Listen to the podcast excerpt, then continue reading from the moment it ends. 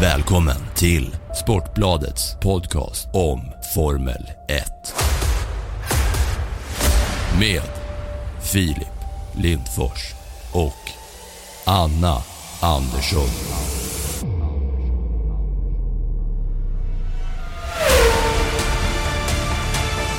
Red Bull. Mercedes. Tillförlitlighet. Ferrari-haveri och haverat. Nytt de Du lyssnar på Sveriges största sportpodcast som inte handlar om fotboll eller hockey. Plattan i mattan.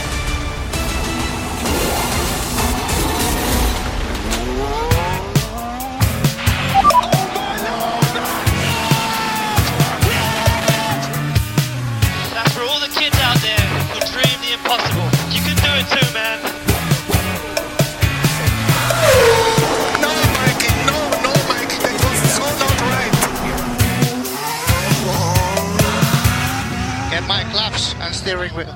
Steering wheel. Claps and steering wheel here. Ja, det där som ni hörde nyss där, det är alltså min status på min röst. Ni som har varit med och lyssnat på eh, alla avsnitt, ni har ju fått eh, genomlida en del. Ni fick höra Annas eh, sju veckors förkylning som, som ihärdigt hängde i.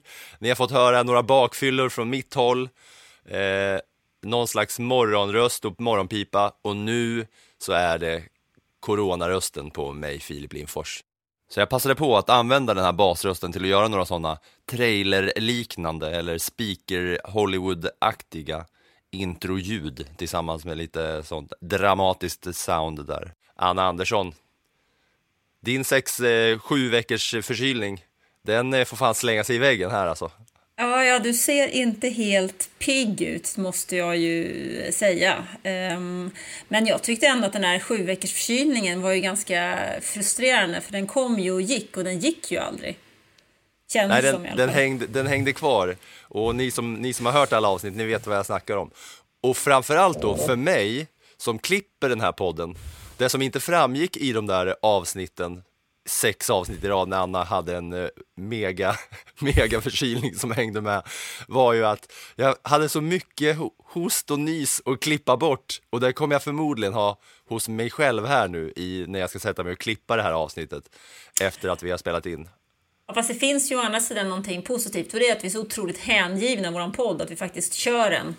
Jag funderade Oavsett faktiskt, vad. Ja, jag funderade faktiskt på att göra det här avsnittet liggandes i sängen, ställa upp, ställa upp micken bredvid för att jag är så jävla dåsig här alltså. Men, Men vi- vi vad gör på. vi inte? Ja, verkligen. Jag tycker det är så jävla kul att ha något att se fram emot i det här helvetes eh, sjukdomen i alla fall. Och nu är det avsnitt nummer 32. Ja, avsnitt 32. Och det har inte raceats eh, helgen som har varit, men det ska bli race trots att eh, mästaren är utsedd. Men det finns ju fortfarande ett mästerskap att köra om ju. Det är ju inte helt klart att Red Bull har tagit konstruktörsmästerskapet än. Ja, och sen så är det ju, tycker jag, den här slutdelen av en säsong, framförallt av en säsong som i år, där det har skett en stor regeländring, den är väldigt, väldigt viktig. För att det är mycket jobb som teamen lägger ner nu som de sen tar med sig in i vintern så att säga. För när säsongen är slut så har de ju inga tester på bana, de brukar ha ett däcktest, men inte någon annan form av tester på bana förrän det är dags för försäsongstester i slutet av februari. Så de måste ha med sig så mycket information inför den här vintern så att de jobbar åt rätt håll. Och jag tänker då ett team som Mercedes som tog helt tokiga och felaktiga beslut under förra vintern och har lidit av det. Först under en studsande epok under våren och det studsade så mycket som de egentligen inte hade koll på vad egentligen som hände under bilen, eller i bilen. Vad var det som var fel? Det visste de ju inte för det där studsandet tog ju över allting och när de väl kommit underfund med det så insåg ju de att ja, men vi har ju gått fel här. Vi har ju andra saker vi också måste lösa. Så för ett sånt team är ju de här fyra avslutande racen nu jätte, jätteviktiga så att de kommer in rätt i vad ska nu kalla det för, försäsongen och bygger rätt så att de är på banan när vi startar så det inte tar ett halvår till, för då är ju nästa säsong också körd. Mm. Och framförallt då eftersom att det blir år två i en ny era med den här eh, nya eh, downforce-modellen på bilarna, och med det här nya reglementet. Eh, att det är liksom viktigare för att man är så pass tidigt in i den här nya eran. För det finns ju en bunt olika eror. Det var ju förra var ju hybrideran som var 2014 till ja, nu 2022 då, eller hur? Ja, fast Och- den är ju kvar för motorerna, det är samma, det ja, ja. som med hybridmotorer, men det var ju en annan, en annan regeländring kan vi väl säga, så jag kan ge det ett halvt rätt. Ja, tack så jättemycket. Det värmer. Eh, men eh, just att man är så tidigt i det här nya reglementet, att det är viktigt att få bilen på rätt bukt tidigt. Ja, och därför så tycker jag att det, man, det är lätt att säga nu att alltså, säsongen är avgjord, nej, nu struntar vi i det här och så, så hoppar jag över resten och så hänger jag på F1 igen i mars. Men nej, stopp där. Är man ett riktigt fan och riktigt intresserad så ska man faktiskt passa på och kolla lite grann vad som händer här, för det kommer att ha eh, Alltså det, de här placeringarna i konstruktörsmästerskapet är ju otroligt viktiga när det gäller pengar.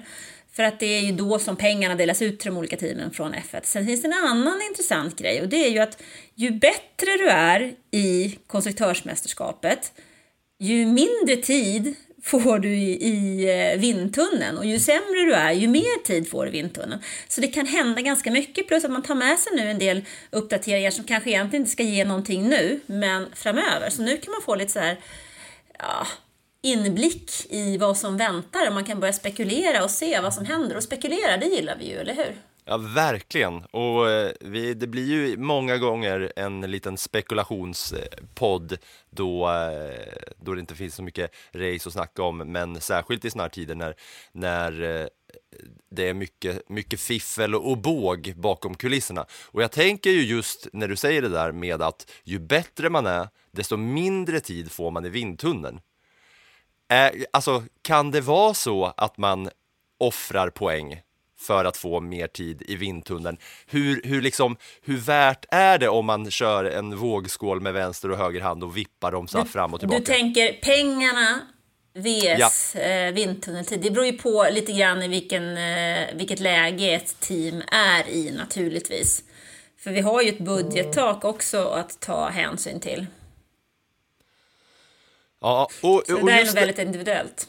och just det här med buffel och båg eh, grejen så vi tänkte ju att vi ska i det här avsnittet så ska vi ju eh, såklart snacka upp eh, racet som är kommande helg i eh, USA, Austin, Texas. Men eh, vi ska även eh, göra en slags liten hyllning, ah, förarnas väg-avsnitt om en av dem som faktiskt inte kommer köra nästa år. Men vi ska ju även se om det är några nyheter som har hänt på eh, F1-tapeten. Och eh, en av de få grejer som har hänt senaste veckan sedan vi eh, snackade sist, det är just lite buffel och båg. Och det är ju kring den, som jag tycker nu, intressantaste fighten som är kvar av det här mästerskapet. Fighten mellan Alpin och McLaren. Och det är ju extra krydda på den eh, lilla soppan just eh, med hela Oscar Piastri eh, kontroversen. För det har inte varit mycket stora nyheter överhuvudtaget den här veckan, eller hur?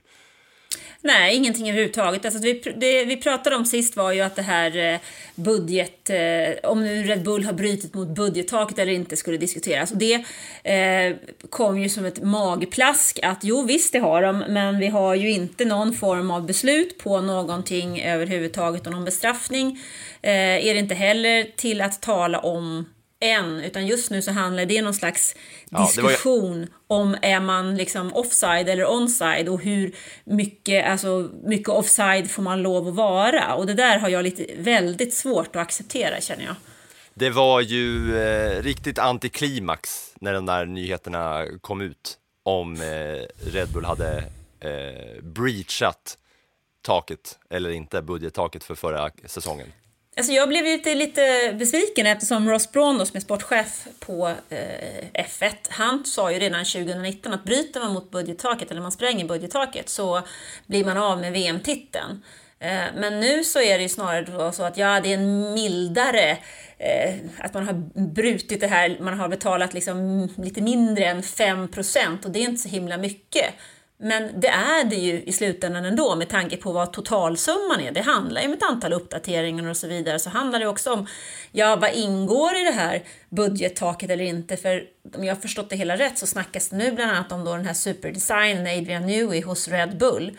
För han är en av de tre bäst betalda inom Red Bull och om han då anses vara anställd av Red Bull så bryter man inte mot budgettaket men om han är anställd eh, av Ja. sitt företag som någon slags konsult, ja, då finns det risk att man har gått över budgettaget. Så det där är en himla liksom soppa och någonstans känner jag bara så att ja, men Mercedes och Ferrari, om de kommer ju att reagera för att om det nu är så att det är okej att bryta lite grann så är det det de kommer att satsa på nästa år. Då handlar det ju bara inte om att hålla sig inom budgettaket utan det handlar om att bryta budgettaket på rätt ställen. Ja, alltså som vi har varit inne på lite tidigare, skulle det finnas ett världsmästerskap för revisorer så, är ju, så skulle man ju kunna ha pokalen under det här eh, diskussionsämnet i eh, F1 och budget, eh, budgettaket kring huruvida, eh, huruvida man håller sig under eller över eller vad som tillhör och hur man fifflar med pengar hit och dit. Det skulle ju vara liksom alla F1-teams revisorer plus eh, alla fotbollslaget Barcelonas revisorer mot varandra som skulle vara i någon slags eh, revisor-VM. Men jag kan liksom inte, jag, någonstans så har jag så himla svårt att fatta. Hoppar Armand Duplantis, han hoppar eh, världsrekord med sin stav. Men sen så liksom åker ribban ner för att han, kalufsen slår emot den på vägen ner. Jaha, är det då världsrekord för att han var över från början? Eller är det så att det inte är det? Eller är det världsrekord med lite böter för att han var över från början men ribban råkade ramla ner? Liksom? Ja, den, den där liknelsen får du nog ta med Stefan Holm och Patrik Sjöberg och låta dem diskutera. Det har ju du kommit på att, man, att det ska vara någon slags tävling. Nej, det har jag inte gjort. 2.30. Det har jag inte gjort. Men jag tycker ändå att statistiken är intressant och det är många som tycker att det är intressant. om, om du hade släppt den maniska grejen att hoppa fler gånger än mig, tror du inte du hade kunnat hoppa lite högre? För du hade kanske... Nej, jag försöker hoppa så högt som möjligt i varje tävling. Ett enskilt toppresultat kan ju inte vara bättre än om du har x antal mästerskap. Jo, men det är därför det heter höjdhopp, vet du. Det, annars så hade det ju hetat något annat. Jo, men, hetat... så du tycker, eh, det är alltså bättre att hoppa 2.42 eller 2.40 då som på varje hetat gör. jämnhopp i så fall. Det roliga var att eh, jag började prata om Oscar Piastri, Alpin och eh, McLaren och så landade vi i budgetkaoset. Eh, kaoset. Ja, men jag allt kanske, landar jag ju kanske det. ska ta den i mål, det jag började med att säga. Ja, men där kan vi konstatera att eh, eh, Alpin släpper inte Piastri innan säsongen är slut. Ja, och det var ju det som, det, det som var liksom det jag skulle segwaya vidare var ju buffel och båg och, eh, och fiffel hit och dit. Är ju att Piastri som är klar för McLaren är ju fortfarande signad då den här säsongen, det här året av Alpin. Och just att kampen mellan McLaren och Alpin är den som eh, är det intressanta, så så är det nu så att det ser ut som att Piastri, det har ju varit snack om att, att McLaren skulle kunna få över honom tidigare och kunna använda honom då i sina eh, träningssessions som, eh, som man har som krav.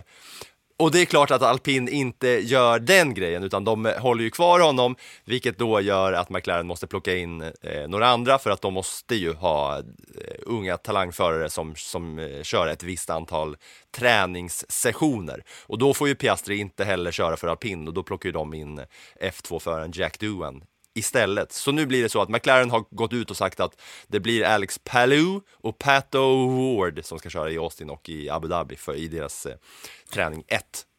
Jo, men varför, varför, varför, varför skulle Alpin efter den här diskussionen som har varit hela året släppa Piastri tidigare?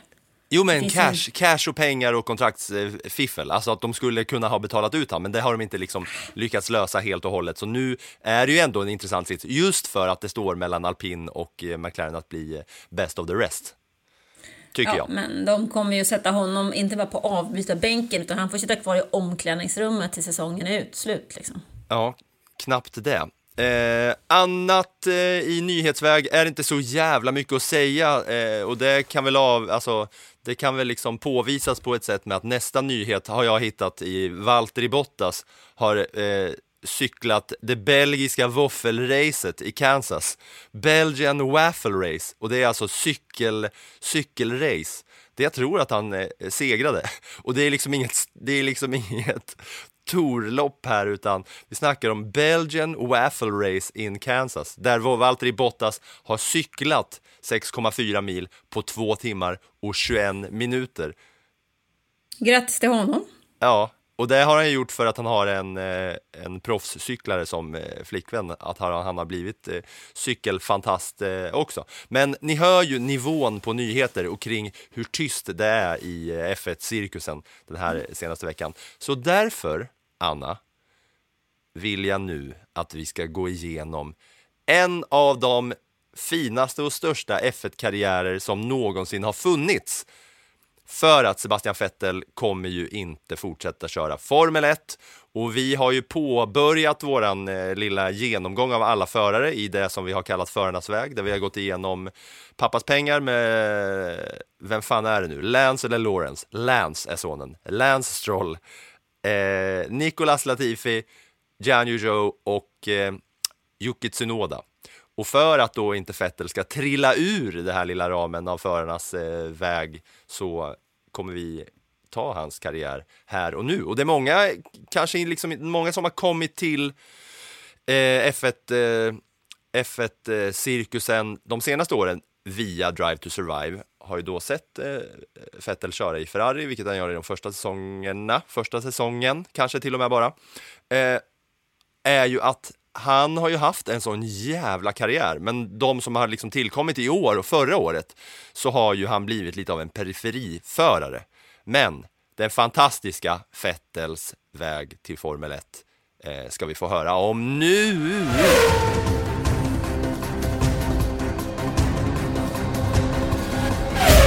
Motororaklet ger er förarnas väg.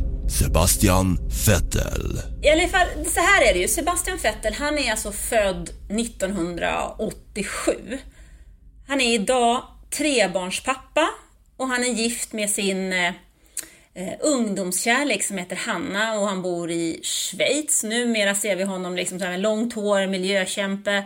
Men han var ju faktiskt en gång i tiden det där underbarnet som vi ser Verstappen idag. För han skrev F1-historia. Han kom till F1 med, alltså pappa snickare, han är ingen manager, pappa åker fortfarande gärna med husbilen runt i Europa liksom.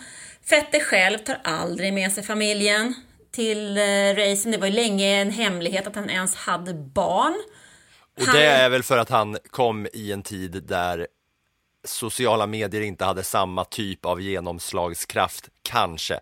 För att han Ja, är ändå han- en av dem som slog igenom i den gamla tidens, eh, ja, vad man ska säga, samhälle. Men han vägrar ju länge ha någon form av sociala medier. Han öppnade ju ett Instakonto nu i år och där berättade han ju om att han skulle lägga av. De första två inläggen handlar ju om det. Sen har han lagt upp grejer med sin barndom och, och där man får se honom snurra de första varven liksom hemma på bakgården.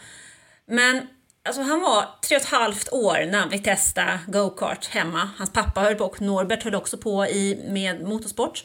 De eh, bodde på ett ställe som heter Heppenheim som ligger i det område som kallas för Bergstrasse. Om man kör motorväg som heter A5 mot Heidelberg om man kanske ska ner till Hockenheim. Eller så. Det är så kul! Ja, tycker det. Perfekta Ja. tyska uttal, mitt i svenskan. Kör Ja. vidare och jag, förlåt mig för att jag avbryter Anna. Ja, men skrattar du? Nej, men det, och detta Heppenheim ligger alltså eh, lite söder om Frankfurt am Main, eh, norr om Mannheim. Eh, och det är väl cirka en timme från ett ställe som heter Gross Ostheim där jag tillbringade tre år i alla fall. Och det här är en, Heppenheim är en, en gammal stad fylld av eh, korsvirkeshus. Den är jätte, jättevacker, det är kuperat eh, och det är ganska mycket vinområden och sånt där. Och när, när Sebastian började köra gokart efter ett par år så fick han hjälp av en man som heter Gerhard Noack. Som också var väldigt viktig för bröderna Schumacher, både Michael och Ralf.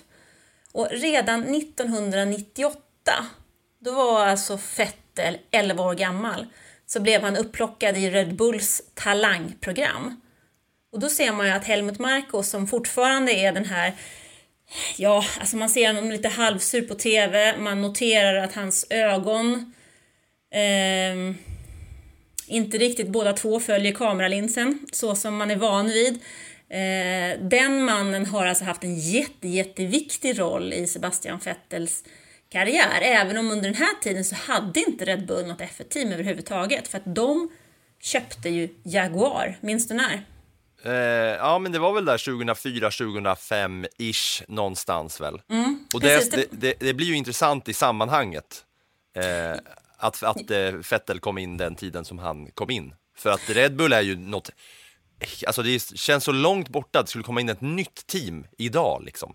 Oavsett vad det skulle vara för, för märke och, eh, och ja, sponsring bakom sig, att kunna bli en som utmanar och tar ner de största giganterna som alltid har varit där uppe. Ja, för när Red Bull kom in så köpte man alltså Jaguar och ni som följer kanske via Play ser Björn Wirdheim och sådär. Han var ju alltså testförare för Jaguar men fick inte chansen därför att Red Bull köpte Jaguar. Så att då eh, valde man istället att gå mot sina egna talanger. Men Vettel var i det här läget fortfarande alldeles, alldeles för ung. Alltså han började med, med formelsporten år 2003, året innan som Red Bull köpte in sig i F1. Han tävlade i tyska Formel BMW, han, som han vann.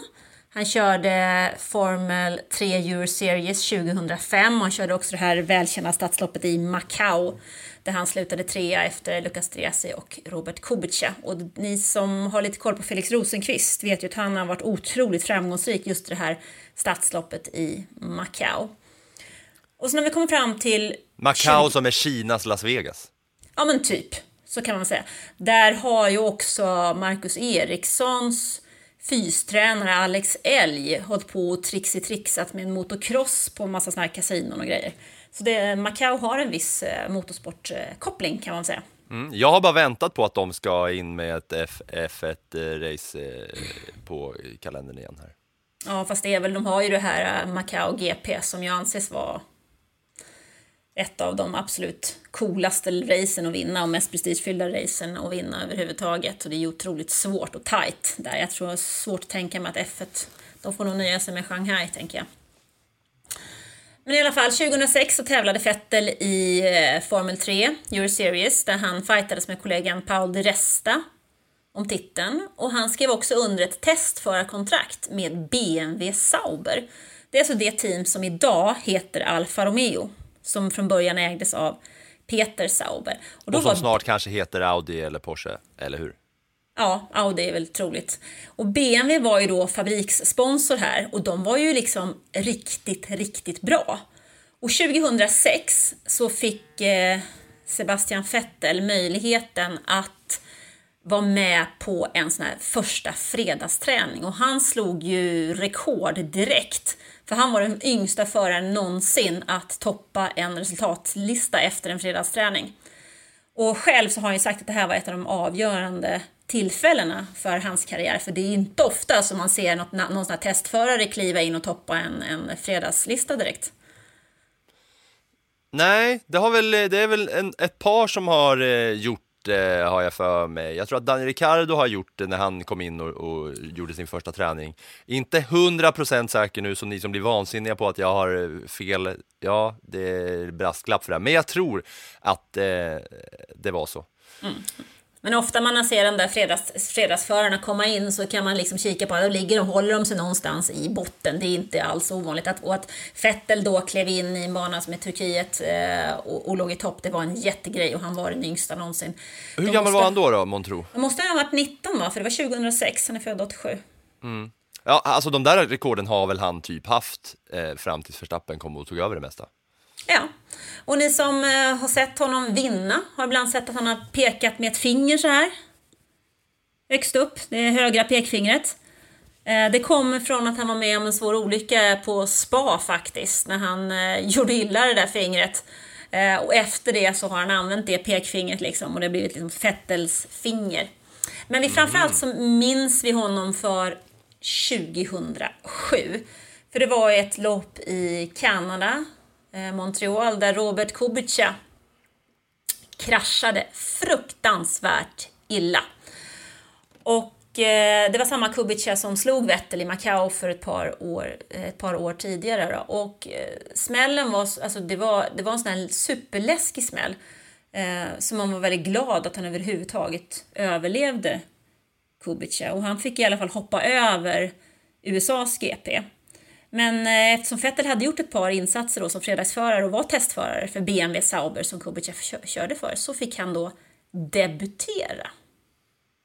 Och då körde han in som sjua i kvalet. Han gjorde en liten miss i racet, gick i mål som åtta. Och då var han alltså inte ens fyllda 20 år. Han fyller den 3 juli, så det här var några veckor tidigare. Då var han, blev han den yngsta föraren att ta poäng i ett F1-lopp. Om du jämför, du som har följt eh, F1 så eh, länge, om du jämför hur snacket gick kring eh, Vettel då och hur snacket gick kring Verstappen, när Verstappen dök upp. Ser man likheter eller är det stor, stor skillnad för att Verstappen var så pass mycket yngre, eller vad man ska säga? Båda har ju blivit världsmästare efter att ha liksom kommit in som så pass unga superstjärnskott. Det är så konstigt att snacka om Vettel som ett superstjärnskott när, när han är Eh, den mest rutinerade efter Alonso då. Ja, men om man tittar på, på eh, båda de två så går ju karriärerna lite grann tillsammans. Därför att om man ser att eh, Verstappen plockades direkt från Formel 3 till Formel 1. Fetter körde någonting som heter Formel Renault 3,5 eh, det här året och han vann ett av de första sju loppen. Sen fick han den här F1-chansen då eh, Eh, där han körde i USA och tog poäng direkt. Men sen fick han inte köra några fler lopp. Men istället då så klev det nuvarande Alfa Tauri, dåvarande Toro Rosso, in och kontraktade honom. Eller kontrakterade honom. Så han åkte ju också in på ett bananskal i F1. Och det var precis det teamet som också plockade in Verstappen. Toro Rosso. Men så att, där finns det ju klara tydliga likheter mellan de två och Vettel gick också från Toro Rosso upp till Red Bull. Skillnaden var bara att Vettel faktiskt var en race-segrare när han klev upp i Red Bull. Medan Verstappen vann ju faktiskt sitt första race i det första racet som han körde för Red Bull. Ja, och, eh, och vad ska man säga, eh, storheten mellan, mellan småtjurarna och stortjurarna, eller förhållandet mellan dem, har ungefär, det såg ungefär likadant ut när det var Toro Rosso versus Red Bull och när det var, eh, eller som det är nu med Alfa Tauri versus Red Bull. Ja, det gjorde det. Eh, förutom då, om man, till, man går till, går, hoppar fram ett år till 2008 som är det året då Vettel verkligen slår igenom. För att 2007 så klev han in hos Alfa Tauri. Han, var, eh, han gjorde ett par bra race, bland annat i Japan eh, på Fuji. Han eh, visade att han var väldigt duktig på att köra i regn och blött underlag. Han tog en fjärde plats det året. Men 2008 i regn också, om jag inte minns helt fel, så är det i september som han skriver historia. För han eh, kvalar kvalade in på pole position på Monza. Och han vinner också det racet på Monza. Det är den 13 september 2008. Och han är alltså, fram till dess att Verstappen vinner i Spanien 2016 så är Vettel den yngsta föraren någonsin som har vunnit ett F1-lopp. Och han vann det F1-loppet för Toro Rosso han slog Red Bulls förare i det loppet. Så då får du bara dra en parallell till om det skulle skett idag. Tänk er då att det skulle regna på Monza och Yuki Tsunoda skulle spöa både Verstappen och Perez. Mm, och vinna racet. Mm. Det känns inte så jävla troligt. Men satan vad man skulle lyfta på ögonlock och bryn och tappa hakor och hela faderullan om det skulle ske. Mm. Bara för att det sätta i perspektiv till hur liksom upplevelsen måste ha varit då. Alltså jag var i Kina då på Paralympics eh, och jobbade och jag vet, jag satt liksom och tittade på det där loppet. Det var ju helt knasig tidszon alltihopa. Men man trodde ju inte att det var, jag trodde, man trodde inte att det var sant alltså. Det var ju helt galet att han gick in och vann på Monza, en sån klassisk bana. Och på den tiden, alltså han var den första GP-segraren på fem år som inte körde för ett fabriksteam. Och det där gav ju naturligtvis eko. Så 2009 Kan du, plockade kan du bara ber- berätta innan du går in på 2009, fabriksteam, det där är ett sånt, eh, en sån term som man hör. Kan inte du bara förklara vad det betyder? För jag tror att det är många som, som inte Ja, men ett, ett fabriksteam betyder att du har en tillverkare i ryggen. Eh, Mercedes, Ferrari, eh, Alpin har ju Renault i ryggen. Det är ju ett fabriksteam. De tillgör ju, gör ju andra bilar också. Eh, medans eh, Toro Rosso som de här hette, de hade ju... Hallå, du går inte att köpa en Toro Rosso. Nej, Jag hade, jag hade bara gjort det om jag hade haft råd och det fanns. ja, precis. Det hade varit skitroligt att köpa en Toro Rosso-bil och åka, åka omkring med på, på gatorna. Packa in golfklubborna i bagaget och åka till golfbanan i sin Toro Rosso. har en sån ens en eh, bagagelucka? Ja, om det hade varit en personbil. Då kanske man hade haft en, en pytteliten.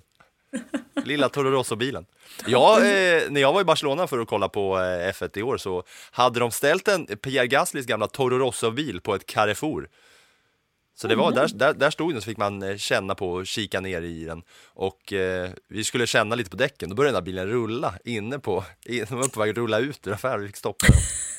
Du satte inte i den hoppas jag. Nej, det var var säkerhetsvakter och sådana grejer, men de kikade lite på, på, på oss när vi, när vi började peta på den. Men sen blev vi lite rädda när den började rulla. Det var, det var ingen, ingen broms eller något sånt i. Finding your perfect home was hard, but thanks to Burrow, furnishing it has never been easier. Burrow's easy to assemble modular sofas and sectionals are made from premium, durable materials, including stain and scratch resistant fabrics. So they're not just comfortable and stylish, they're built to last. Plus, every single Burrow order ships free right to your door. Right now, get 15% off your first order at burrow.com slash ACAST. That's 15% off at burrow.com slash ACAST.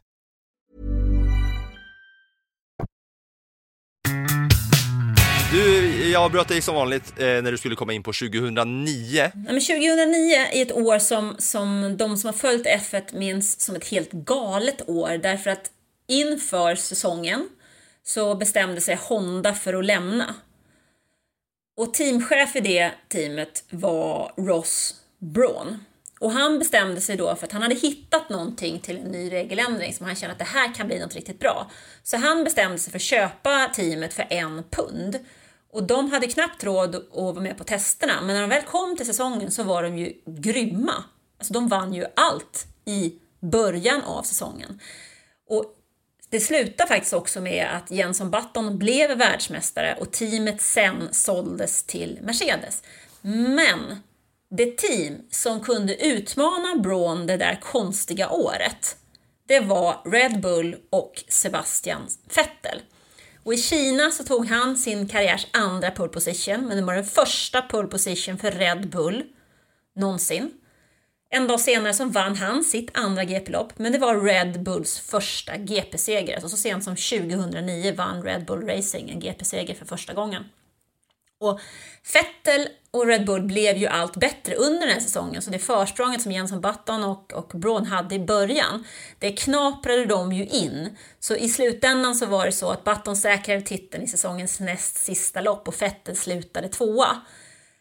Men vi kan ju komma ihåg att på den tiden så fick man liksom inte 25 poäng för en seger utan eh, då var det väl 10 ner till 1 och det var bara topp 8 som fick poäng så det var lite en annan typ av poängräkning och i slutändan så skilde det 11 poäng mellan Button och Vettel. Men man kan egentligen säga att här lades grunden på något sätt.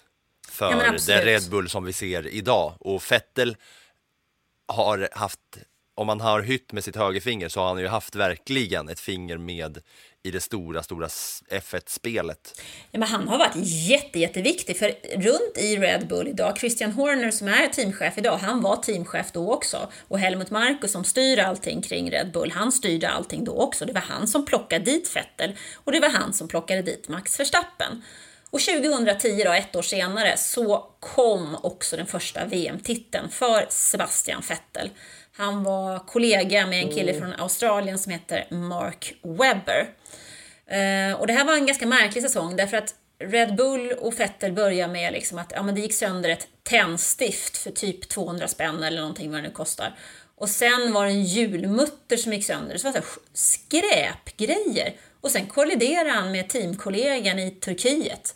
Eh, när Vettel skulle köra om Webber som ledde loppet så, så körde de ihop och de skyllde på varandra. Och det var en jätteinfekterad fight faktiskt mellan de två som pågick under många år. Och när vi kom till slutet av den där säsongen så var det tre man som kunde vinna titeln i Abu Dhabi och, Vettel låg längst ner av de tre. Han var trea inför säsongens sista race. Men han tog pole position och han vann racet. Och han var till slut fyra poäng före Fernando Alonso som blev sjua i sin Ferrari i säsongens sista race. Och jag tror att hade då inte Vettel vunnit det där racet så hade antagligen Fernando Alonsos F1-historia sett väldigt annorlunda ut. För Alonso har inte vunnit någon F1-titel med Ferrari. Han har inte vunnit någonting sedan 2005-2006 egentligen. Så han Och vann där- då. Precis. Så där, när Vettel som kom till sista racet och egentligen var trea, alltså det var ingen som trodde att det var någon annan Alonso som skulle ta den där titeln. Så lyckades han ändå på något sätt att vända och kliva, ta liksom sin egen karriär till ett, ett steg till. Medan Alonsos karriär har ju sen gått på någon slags sidoväg. Han har ju varit en bifigur fast han fortfarande är kvar i F1. Så Det, var vände, ganska- li- det vände lite där. Ja, Eh, precis. Men och då här- var han också, han blev tidernas yngsta världsmästare där Vettel, alltså. Han var 24 år då faktiskt. Men den här eh, konkurrensen med eh, Webber, den har man ju fått eh, se några gånger också. Vi har den här klassiska Multi-21-incidenten också. Ja, ja men absolut. Och det var 2013. Vettel vann ju alltså VM-titeln då 2010, 2011. Och då började ja exakt, och det var ju liksom startpunkten för 2012. den där megakarriären som, som Vettel har haft. Ja, och 2013. Så han vann fyra titlar i rad med Red Bull när de var som allra bäst. Och detta la också grunden till den stora regeländring vi hade 2014. För att Red Bull dominerade ju och slog ju allt och alla. Och han blev, Fetter blev den yngste trefaldige världsmästaren i historien, bland annat när han vann sin tredje titel 2012. Och då bestämde man att vi måste hitta någonting annat. Eh, ett annat reglemente för sporten ska bli jämn igen. Det blir lite precis samma sak som vi upplevde inför den här säsongen när snacket gick istället kring Mercedes. Att vi måste hitta på någonting, det måste bli jämnare. Och så var det då också. Så det var återigen till slut då en, en regeländring som bröt Fettels och Red Bulls eh, dominans. Men den här dominansen också, eh, ska man ju säga. Vi vet ju vilka pengar det är. Alltså utan Fettels extremt bra körning så hade ju inte, alltså ett, Red Bull hade ju inte fått sina världsmästartitlar, men de hade ju inte dragit in samma summor heller för, in- eh, för allt körande. Nej, men inte överhuvudtaget. Och du pratar ju om den här Multi-21 och under de här åren där mellan då 2010 och, och 2013, de fyra säsongerna där, så var det ju konstanta konflikter mellan Vettel, som var mästaren, och Webber som ville bli mästaren och var den lite äldre av de två. Och den här incidenten om Multi-21 den kommer från eh, Malaysia 2013 och Vettel har pole position men han ramlar tillbaks i fältet och ligger trea men i slutfasen av loppet så attackerar han Webber i alla fall och Webber blir skogstokig. Han skriker över radion därför att de hade kommit överens om att den bil som leder inför det sista depåstopp, eller för, förlåt, den som leder inför det första depåstoppet skulle också få vinna racet för de var så överlägsna. Men Fettel struntar i det här och han får en enorm kritik externt och internt. Och han ber om ursäkt. Han vinner nio lopp i rad under den här säsongen och dominerar. Men fortfarande så fick han liksom en, ja det var en liten, vad ska jag säga, en liten grå skugga på den där titeln just efter den incidenten att han fullständigt struntade i det som var internt och eh, det som var överenskommet internt. Och jag tror faktiskt att han själv tog till sig rätt mycket av det där för han har varit betydligt eh, schysstare efter det än vad han var då. Men då var ju också hans peak rent tävlingsmässigt för att han fightade som titlar och hade Mm. titlarna i ryggen och så vidare. Han, han tog ju 13 segrar den här säsongen och det är lika många segrar faktiskt som Verstappen har tagit i år. Om Verstappen vinner nu till helgen då så går han om. Det vi ska notera bara är att Verstappen har 22 lopp på sig den här Ja. säsongen. Men Vettel Det är, hade 20. återigen, det, det, återigen en sån grej som man alltid måste ta in consideration när man snackar om rekord. Att det, att det är så många fler race nu för tiden. Så att man har fler chanser att slå alla rekord. Vilket gör att när man tittar på, tillbaka på sådana här karriärer som Vettel, att man måste liksom tänka att det är ändå lite större på något sätt. Ja, men det är ju ruskigt stort. För där låg ju Vettel också på sin absoluta peak. Alltså något annat kan vi inte snacka om. För ett år senare då, när den här stora regeländringen var, när Mercedes kliver in som de nya, ja, det nya dominerande teamet, så passade ju bilen inte Vettel överhuvudtaget. Han var ju mer av den, den så att säga, äldre skolan.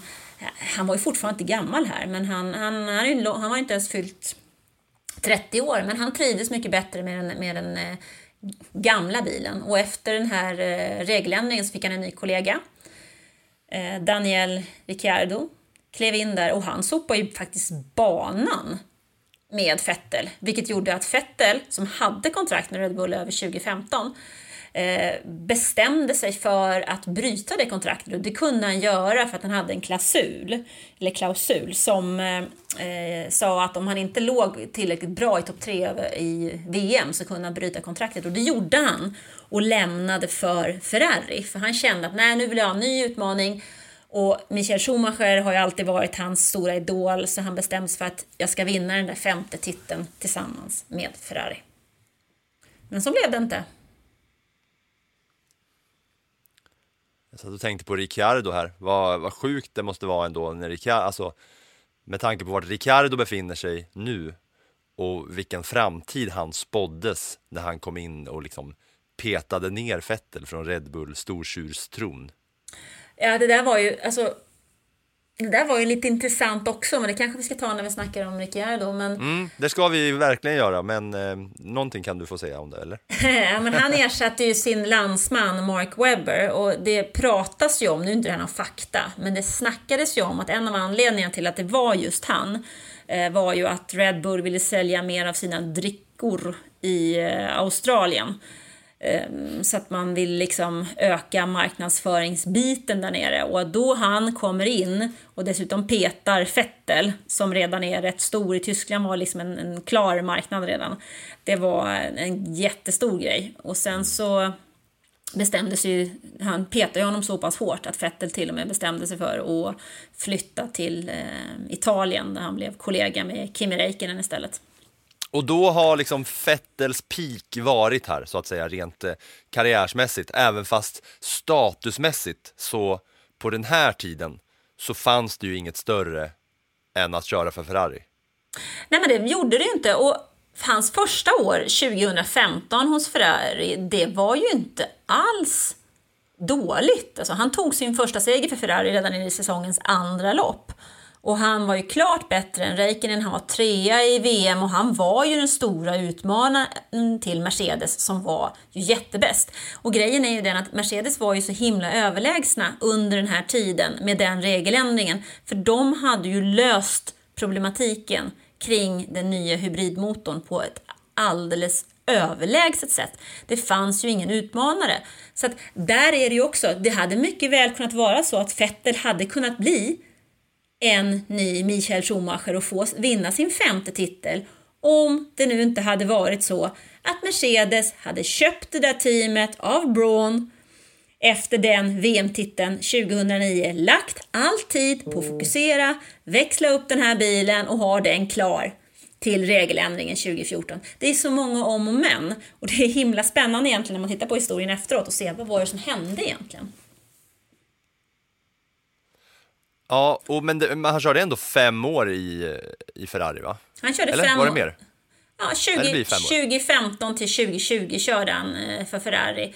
Han, eh, 2017 vann han premiären. Han var tvåa i Kina, han vann i Bahrain, han följde upp med ytterligare två andra platser. Sen eh, var han inte, där hade han ju kunnat utmana, men han lyckades eh, kollidera med Räikkönen och Verstappen i starten av Singapores GP. Och sen åkte han på Det är ju en sån motorproblem. legendarisk krasch också, Ja, de två Ferrari-bilarna. ja, och sen Det är är det sånt som man ser vevas om och om och om igen.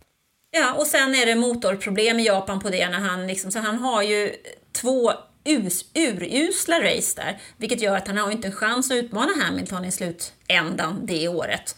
För Bottas var ju egentligen liksom inget hot där, men, men eh, det Men tappar det var, han väl, ju det var väl inget snack, alltså det var väl omöjligt att utmana Mercedes under hela den där eran fram tills, eh, alltså det var ju Mercedes all the way liksom. Ja, man hade behövt några om och men, men jag menar hade du lagt på 50 poäng på och inte hade han, hade han vunnit i, i Singapore och hade han eh, plockat fullt i Japan, ja det hade varit 50 poäng. Och då hade det kanske sett annorlunda ut än vad det gjorde. För det är ju två lopp som går i, under hösten. Och får du en annan utväxling av dem så kan slutresultatet också ändras. För då hade det kunnat bli press och grejer. Det, det är ju en helt det, det är ju helt öppet. Det är ju alltid som vi säger med mormors, mormors buss där. Man vet inte. Mormors buss, om den hade vingar så hade den kanske flugit högt ovanför himlen. Men man vet aldrig. Nej, så att, eh, det var väl egentligen Vettels bästa chans hos eh, Ferrari. Sen var han ju kvar där 2018 och 2019 och sen så vet jag ju då 2020. Det var alltså typ veckan innan pandemin slog till så var vi i Spanien på försäsongshästar. Och då var det en pressträff där med eh, För då var han, då var han fortfarande kvar i, i Ferrari ju. Eh, Ja, han körde ju där 2019 när Charles Leclerc kom in i Ferrari va? Och sen så var det pandemisäsongen 2020. Mm, och då- då, var han fortfarande kvar. Ja, då var han ju det. Men det var, det alltså var veckan innan den säsongen eh, startade så hade vi pressmöte där ehm, och det pratades om två saker. Dels var det pandemin, för eh, Ferrari var ju oroliga för att de inte skulle kunna åka hem innan de skulle kunna dra till Australien. Och dels så var det då Fettels framtid för kontraktet gick ut och han var ju väldigt tydlig med att han ville stanna. Eh, Mattias Binotto eh, var också i det som han sa utåt intresserad och förklarade att vi ska bara diskutera. Men som en bomb slår det ju sen ner att eh, Ferrari väljer att bryta kontraktet med Vettel för att kontraktera Carlos Sainz. Det här händer då och Vettel var ju otroligt besviken.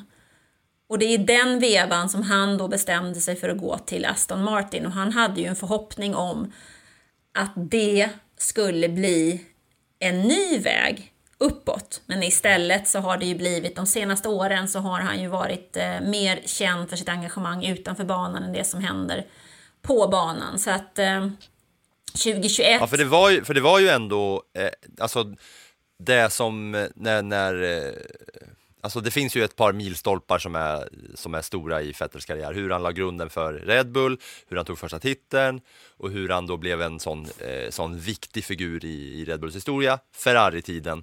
Och sen var det väl så, alltså var det inte så att Binotto kom in här i krokarna och skulle liksom eh, eh rejda runt i, i Ferrari för att de hade haft en liksom så tuff tid. Han kom väl in typ 2019 och, och bytte ut en hel del personal från 2019 och framåt som skulle liksom vara mera nutidsanpassad, Ja. eh, som jag minns det. Ja, han har ju varit i Ferrari väldigt länge. Ja, men blev, han blev ju ch- chef då, Ja. så att säga. Den, den typen av chef han är idag, så att säga. Jo, men det vart han ju. Eh, innan så var ju han eh, Arriva Bene, hette han väl, Mm. eh, med det silvergrå håret som, som bossade där. Eh, så det är väl så, han har väl tänkt en annan väg och han tänkte väl kanske på en yngre satsning och 2020 var inget bra år för Sebastian Vettel heller. Plus att Ferrari inte heller har varit det storteam som man hade varit innan och det är man ju fortfarande inte utan det är ju fortfarande så att det finns en hel del kring det där teamet och eh, jobba med när det gäller strukturer och annat. Så att, Även fast man har haft chansen att kunna visa sig vara det där storteamet som man har potential till att vara den här säsongen. Som vi har pratat om många gånger. ja, men man har haft chansen men man har ju inte tagit den och det har varit lika, likadant där. Så att Vettel i sin han bestämde sig då för efter den här usla säsongen 2020 när Leclerc tog liksom tre gånger så många poäng som honom och var 13 man i VM så liksom bestämde han sig för att ja, nej, det får ju bli då eh, Aston Martin och där så var han ju faktiskt Alltså han gjorde ju inget dålig säsong där. Han tog en pallplats i Azerbajdzjan. Han gick i mål som tvåa i Ungern, men sen så var det här bränsletestet man måste göra efteråt, man hade inte tillräckligt mycket bränsle i bilen, så då vart han ju av med den andra platsen. Och han gjorde flera omkörningar än någon annan under hela den säsongen, så att han, den första säsongen där var ju inte så himla kass, men i år så har de ju 2022 haft en eh, urusel säsong. Det har ju varit en sköldpaddesäsong för Aston Martin. Hur stor del tror du att, alltså att det har varit så ruttet med Aston Martin, själva teamet, att det har gått som det har gått? Hur stor del tror du har i Vettels beslut att eh, lägga ner? Jag tror att det har en ganska stor betydelse. Jag menar om de, ha, om de hade levt upp till sin, eh, ja, till det man kanske förväntade sig av dem. Att det hade gått mycket bättre för dem, att de var lite mer motståndskraftiga och, och fightas lite hårdare. Men då- tror du han hade fortsatt? Då hade han, då kan jag mycket väl tänka mig att han hade fortsatt för han är ju en, en vinnare egentligen. Men jag tror att det finns en annan del också eh, hos Sebastian Vettel som, som är viktig. Dels är det det här att det blir flera race hela tiden. Han har som sagt tre barn eh, och känner väl att han vill vara delaktig där. Plus det här engagemanget som han visar för miljön. Jag tror att han börjar känna att det är lite svårt att förklara och försvara att han sitter liksom och åker racerbil och, och reser runt jorden. Visst, han åker tåg och elbil, tåg till tävlingar i Europa och kör elbil, men alla de här andra var en del av den cirkusen som, som reser runt hela världen. Jag tror att han har lite svårt för att Ja, det är ju svårt att vara miljökämpe och rättsaktivist och stå för allas lika värde och jämställdhet och feminism om man då är ett omslagspojke utåt för Saudi, Qatar och Bahrains eh, olika typer av regimer. Ja, men lite så. Och, Aston Martin eh, har ju sponsorer där borta också. Så det är liksom... För jag menar, han har ju varit så tydlig i Tyskland då med sina åsikter där han liksom vill ha hastighetsbegränsning på autobahn. Och för många tyskar så är det värre än att svära i kyrkan. Och det är i ett land med många starka religiösa traditioner där det fortfarande är söndagsstängt på många ställen i landet för man ska gå i kyrkan. Så att, eh, det där tror jag har blivit svårare och svårare för honom att acceptera. Och, och pengarna i sig lär inte Har han tjänat. De har han liksom tjänat. Han har vunnit fyra VM-titlar. Vad, vad mer behöver han bevisa? Jag kan tänka mig att han framöver kanske hittar någon annan form av roll inom F1 för han är ju en fortfarande en stark profil och han har ju vunnit fler titlar än vad många andra förare ens kan drömma om.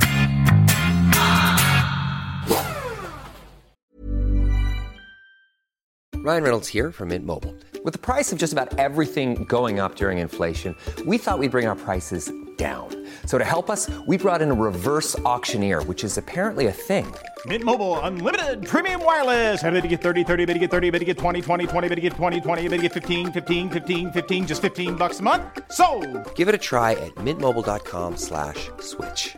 $45 upfront for three months plus taxes and fees. Promo rate for new customers for limited time. Unlimited more than 40 gigabytes per month. Slows. Full terms at mintmobile.com.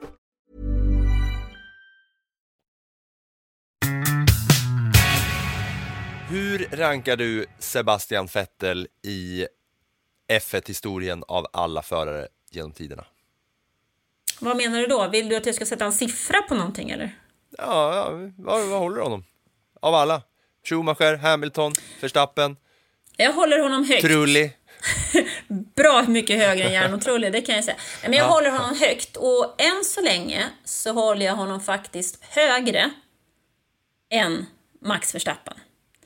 Inte bara för att han har vunnit fyra VM-titlar, utan även för det arbete som han la ner tillsammans med Red Bull för att Max Verstappen faktiskt skulle få de möjligheter som han har fått. Mm. För det teamet som Verstappen kommer in i är ju redan ett eh, av de största F1-teamen och så jävla välfungerande och har hur mycket pengar som helst och att det är redan ett självgående maskineri på sätt och vis. Men när Vettel kom in i Red Bull så var det ju som om då, låt säga att Verstappen skulle komma in i Williams och göra dem till eh, superhjältar. Ja, det kanske vi inte ska göra Haas, typ. Ja, eh, visst. nej, men för att när, när Vettel kom in till Red Bull så var ju Red Bull fortfarande ett skämtteam som liksom hade Clone Wars-figurer i depån. Under... Hej, skämta inte om den tiden, det var fan bra grejer Ja, men det alltså. var det ju, men det var inte... Det, de drog ju... För, för, för er som inte känner till det, så det Anna säger, alltså, vilket också är korrekt, att det var ett skämtteam.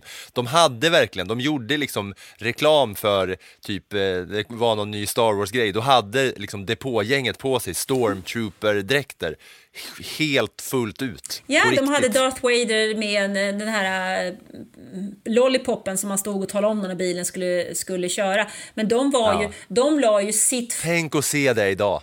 Ja, men de la ju sitt fokus på vad det mest omskrivna F1-teamet. De, kunde, de klarade ju inte av att göra resultaten som krävdes utan de använde ju andra typer av marknadsföringsmedel. Så att de var lite, man kan kalla dem lite för, ja det var lite skämt liksom. De hade de bästa sakerna i paddock, det var eh, Stålmannen hade de vid något år, alltså det var liksom Chewbacca som, som sprang omkring där. Och så kan vi inte se det idag. Det var det teamet som Sebastian Vettel kom till. Och han var den förare som tog den första pole position till det teamet och vann det första racet. Plus att han var med och tog fyra VM-titlar till dem. Så att det är ju faktiskt rätt schysst jobbat. Så minns vi Sebastian Vettels karriär. Och så vinkar vi av honom då.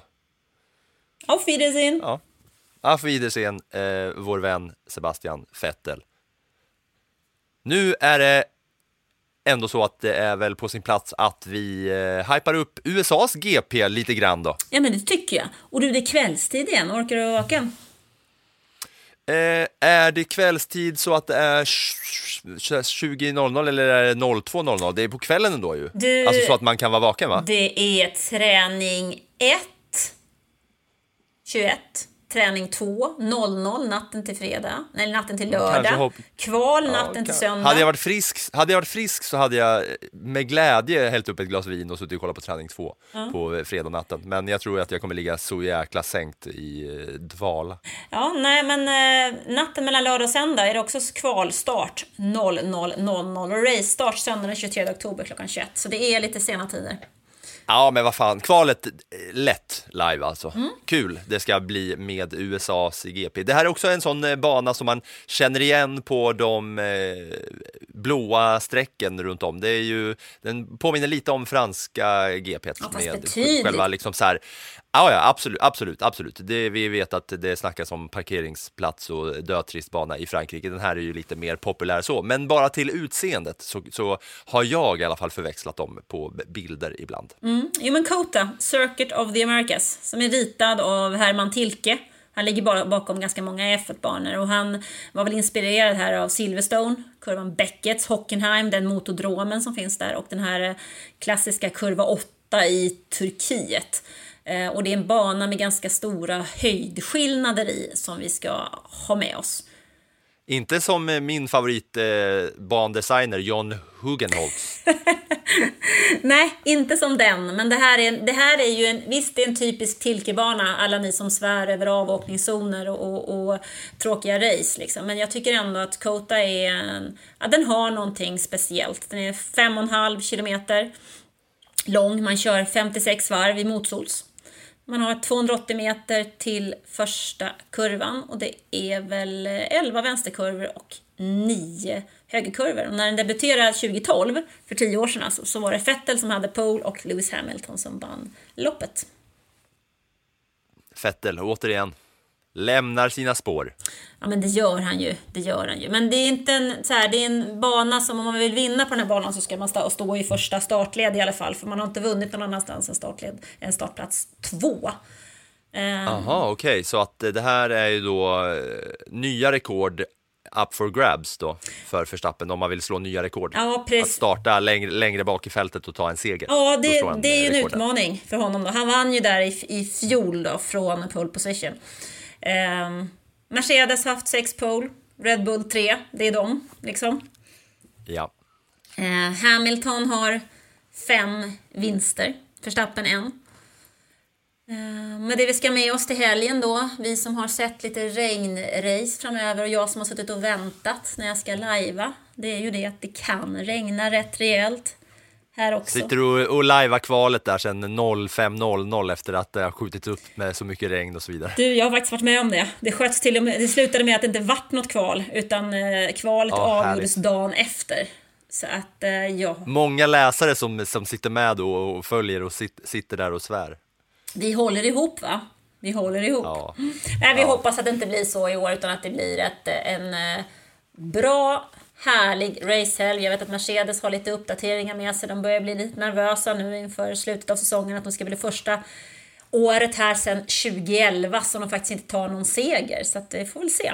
Det ska bli lite spännande tycker jag. Vad ser du fram Ja, emot? jag, jag står fast vid att eh, det kommer komma en med Mercedes seger. Men jag, jag ser fram emot att se hur Red Bull ska göra nu här, för att de vill ju bara köra hem eh, konstruktörsmästerskapet nu.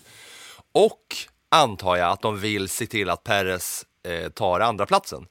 För i och med att Verstappen är klar segrare så har jag liksom börjat tänka lite smått på hur, hur kommer Red Bull agera i ett läge där de är 1-2?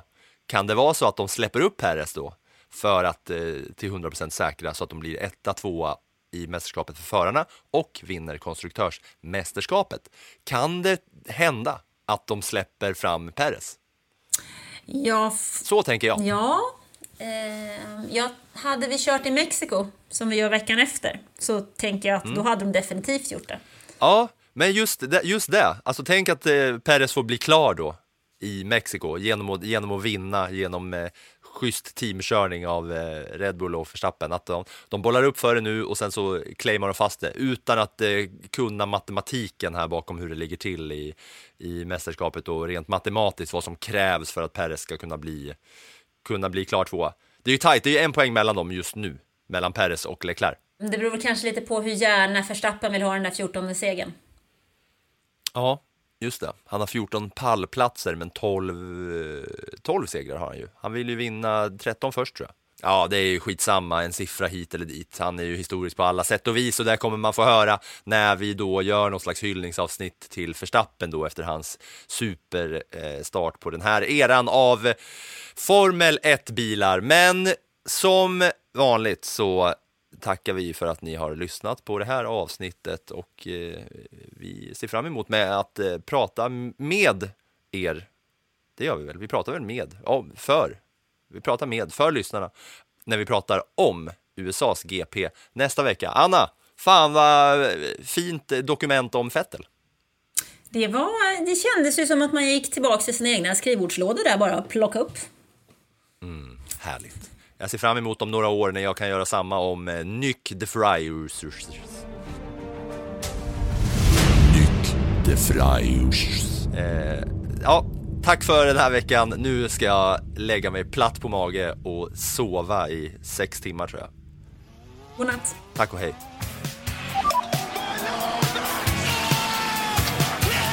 Kom ihåg att tipsa en vän eller någon som gillar Formel 1 att lyssna på Plattan i mattan. Prenumerera. Säg till din kompis eller pappa eller morfar. Lyssna även nästa vecka.